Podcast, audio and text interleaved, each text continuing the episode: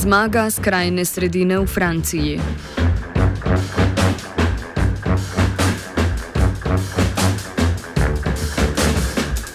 Na predsedniških volitvah v Franciji je 66 odstotki zmagal Emmanuel Macron. Na parlamentarne volitve se je tako uvrstila njegova stranka Naprej, ki je s podjetništvu naklonjeno in delavcem nenaklonjeno politiko premagala v celofan zavito ksenofobno politiko Marine Le Pen. Njenih 34 odstotkov glasov je načelo že prisotne konflikte v nacionalni fronti, znotraj strankarski konflikti pa bodo v veliki meri določali tudi prihajajoče parlamentarne parlamentarne volitve.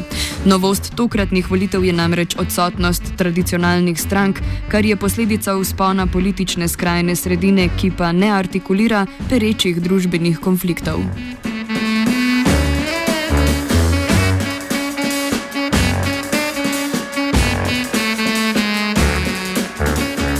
Makronova ekonomska politika je nenaklonjena oziroma je naklonjena predvsem francoski eliti, ki, ki se stoji iz državne birokracije in zasebnih korporacij, pojasni Kristakis Gorgiju z Univerze Montpellier. French ruling elites are extremely narrow uh, in their composition. Uh, they dominate. They dominate both uh, the um, the uh, the high the top ranks of the state bureaucracy, but also of the major French corporations. Uh, and they are the products of a particular system of state run public schools, uh, grandes écoles in French, uh, very selective schools which train uh,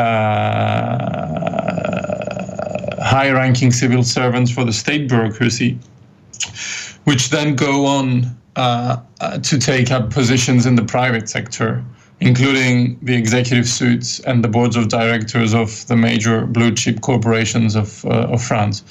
So, so this is a very ho- homogenous group. Um, the uh, the people who run the state and the people who run the private sector, the biggest corporations, uh, tend to think in the same way, uh, know each other very well because uh, this is a very narrow group uh, and tend to think of the interests of the French corporations as being uh, those of the French public interest. Znotraj te elite Macron pripada veji, ki ji pritičajo najvišji položaji v državnih aparatih in bankah. Nadaljuje Georgiou. Mostly people who have uh, graduated from the uh, ENA, École Nationale d'Administration, the National Administration School. And who mostly go on to staff the um, so-called civil grand corps. Grand corps is a uh, is a French term which designates um, particular groups within uh, the state bureaucracy, and the top group within those civil grand corps is the finance inspectorate, the uh, Inspection des Finances. The Inspection des finance is a very particular group because it's it only recruits five or six p- people every year from the top uh, ranks of the graduates of the ENA. Uh, and these people go on to uh, run the finance ministry basically, and especially its two most important directorates, the Treasury and the Budget Directorate. And then most of them, or rather, many of them, um, move on to the state, to the uh, to the private sector to the uh, and especially to the main banks and insurance companies uh, of France. So, for example, if you take the two biggest French universal banks around at the moment, uh, BNP Paribas and Societe Generale, for the last five or six decades, all of their CEOs have been finance inspectors. Uh, I could go on. This, and then and Macron obviously is a finance inspector. Uh, he graduated from ENA in 2004. He spent four years in the finance inspectorate, and then he moved to the uh, to one of the two biggest um, uh, financial consultancies in France, the Rothschild and Compagnie Bank, uh, which recruits the brightest uh, finance inspectors and other elite uh, and, other members of French elite. And from then on, he went on to uh, he, so he worked at the Rothschild company for a few years, and then he joined the Elysee Palace uh, as an uh, as an assistant secretary general to the presidency. Then he became minister, and then he, he launched his bid to become president. Spomnimo, da je bil Macron minister za ekonomijo v prejšnji vladi socialistov s Françoisem Hollandom na čelu, kjer je zagovarjal deregulacijo in trgu naklonjeno politiko. Prav tako pa je bil pristaš poenotenja levih in desnih političnih struj, katerega ideja je bila prisotna tako pri Hollandu kot pri vladi Nikolaja Sarkozija predtem. Vzpon skrajne sredine sega sicer dlje v preteklost, a je na tokratnih volitvah dobil nove razsežnosti z odsotnostjo tradicionalnih strank in Macronovo retorično sredinskostjo. In, in 2002, Chirac was elected against uh, Marine Le Pen's father, Jean Marie Le Pen, uh, in the second round of the presidential election. Um, for some time, uh, especially since 1995, uh, when Alain Juppé was prime minister, and he attempted to uh, push through a, number of reforms to the French welfare state, which uh, met with fierce resistance in the streets and in workplaces, in, especially in November, December 1995. Ever since 1995, um, there was the French ruling elites began worrying that um, the political system did not yield uh, a, sufficient, a, a, a sufficiently strong consensus in favor of the reform agenda uh, that they have been pushing for the last 20 years. When Chirac got elected in 2002, because he was elected um, with the votes of both right wing and left wing voters, uh, there was a current within the right which argued that this was the time to use um, the election result uh, in order to uh, to form a national unity government and create the um, uh, the consensus that was missing. The, pre- the main advocate of this uh, was François Bayrou. Uh, François Bayrou was the candidate for the second major right wing formation in France at the time, UDF. He also ran in 2007 and 2012 as a presidential candidate. And this time around, he supported Macron. Uh, he started out by supporting Juppé, but uh, when Juppé lost, he switched and supported uh, Macron. So you can see how Macron's project and candidacy fits in with um, this debate about the need for a national unity government or a grand, grand centrist majority, um, uh, which started in 2002, um, essentially through François Bayrou. Okoli sredinskosti pa se sučajo tudi znotraj strankarski boji, ki zaradi poraza ne kažejo jenjati. Pri socialistih se je Olondova vlada namreč na vkljub začetnim obljubam o večji obdavčitvi kapitala proti koncu mandata preobrnila v desno, kar je zagovarjala predvsem skupina okoli premijeja Manuela Valsa. Na strankarskih volitvah je sicer zmagal predstavnik bolj levega dele, dela stranke Benoit Amo, a je v prvem krogu volitev dobil le 6 odstotkov glasov. Sicer nekoliko stabilnejša republikanska stranka z neoliberalnim programom Francoisa Fijona pa je zadobila udarec zaradi sodne preiskave o koruptivnem izplačevanju plač svoji ženi in otrokom. On the right, things are more complicated because had Fillon not been um, the subject of allegations uh, for corruption, he probably would have made it to the second round. Um, so in that respect, the um, the uh, the main right wing uh, party is not in such disarray as the Socialist Party is. What will happen, though, uh, and this is uh, this has started to play out already, is that there are two lines within the Republican, within the, the mainstream right. One is a line which has already stated its intention to be in opposition to Macron and some of its members, although a minority, uh, are openly flirting with uh, Marine Le Pen. Uh, and then there is a more centrist wing uh, in Le Républicain, uh, best embodied by Alain Juppé, the um, uh, unfortunate primary candidate who lost out to Fillon in November 2016, and his friends, who essentially are going to support the Macron presidency and are going to join a government or the governments that are going to be nominated uh, by that are going to be designated by uh, by by, the, by President Macron. Razcep znotraj stranke pa se je zaostril tudi v nacionalni fronti. The National Front is also split between two wings. Um, one is the traditional one could call it the southern wing of the party, based essentially in the southeast, in the PACA region, uh, where traditionally the National Front has got its best results. Uh, and the advocates of that wing are have traditionally been Jean-Marie Le Pen, the father of Marine Le Pen, but also Marion Maréchal Le Pen, the granddaughter of Jean-Marie and niece of Marine, who is um, one of two uh, National Front members of parliament and she's elected in uh, in Carpentras, which is a town in the south of France, um, in the Vaucluse department. Um, and as you said, this wing is is, is a traditional right wing, conservative, Catholic, uh, middle class uh, tendency within the party. Uh, it draws support for from middle class voters who are conservative, reactionary, uh, and liberal in economic terms.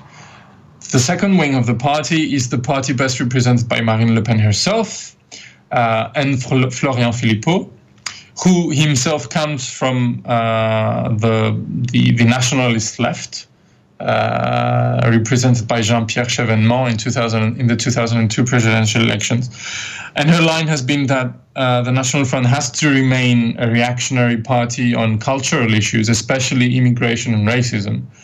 Uh, and Islam. This has taken more and more the um, the, um, the, um, the, face of Islamophobia, but at the same time, it has to ditch its um, attachment to liberal economics uh, and promote some kind of statist, uh, protectionist um, economic project.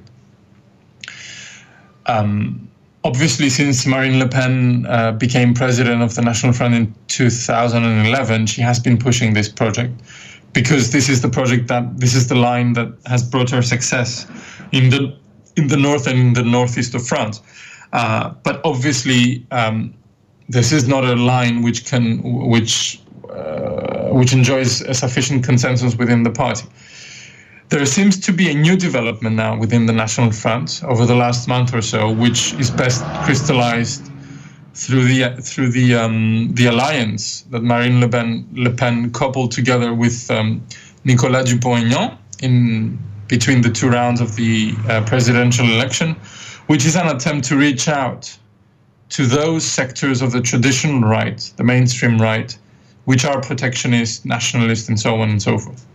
Um, this probably won't go down well with uh, with the southern wing of the party, and I think we're going to see. And last night she openly called for a uh, profound refoundation of, of the National Front, i.e., she she is calling for a deepening of this strategy of alliances with sections of the uh, of the mainstream right.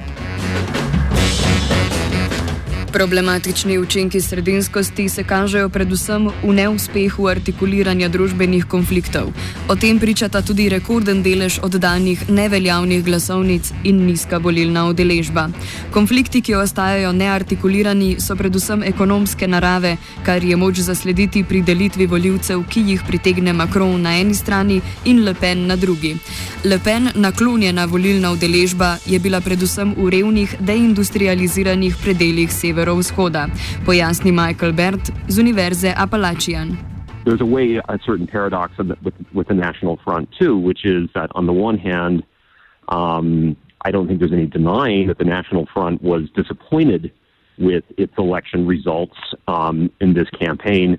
First of all, they had hoped um, uh, come in first on the uh, the first round of voting. Um, that's what polls had predicted for a long time. Instead, Le Pen came in second. And I think that they hope to get at least 40% um, on the second round, and they fell significantly short of that. So there is disappointment. On the other hand, it is it is historically speaking astonishing, you know, that they that that uh that what had until several decades ago been a fringe party, um, you know, did so well um, uh, in, in in a French presidential election. in terms of the, the popularity of, of, Marine Le Pen, um, I really think that um, there is one sort of key factor that I would that I personally would emphasize. Um, I think that um, in France right now there is a um, great conversation about what you might call the two Frances. Um, I think that France is um, a society that um, has a deep, as the French would say, fracture sociale, uh, a social fracture, a social divide running through the body politic.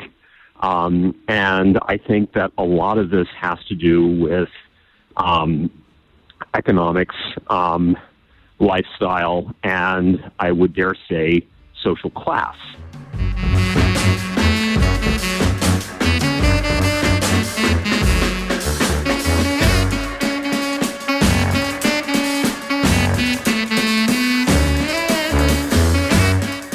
Makronova sredinskost pa postavlja nova vprašanja tudi glede parlamentarnih volitev čez nekaj več kot en mesec.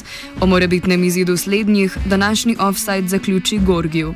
That's the biggest unknown, and in, in a sense, this is the major novelty of the current uh, of the current election because traditionally when uh, when uh, when you had a presidential election and one of the two major parties won the presidential election Uh, then you had legislative elections a few months later, and because of because because because of the momentum generated by the presidential elections, the the party that won the presidential election secured a, a pretty comfortable majority in, in the in the National Assembly. Now this time around it's different because obviously Macron's party is a very young party. It's only 13 months old.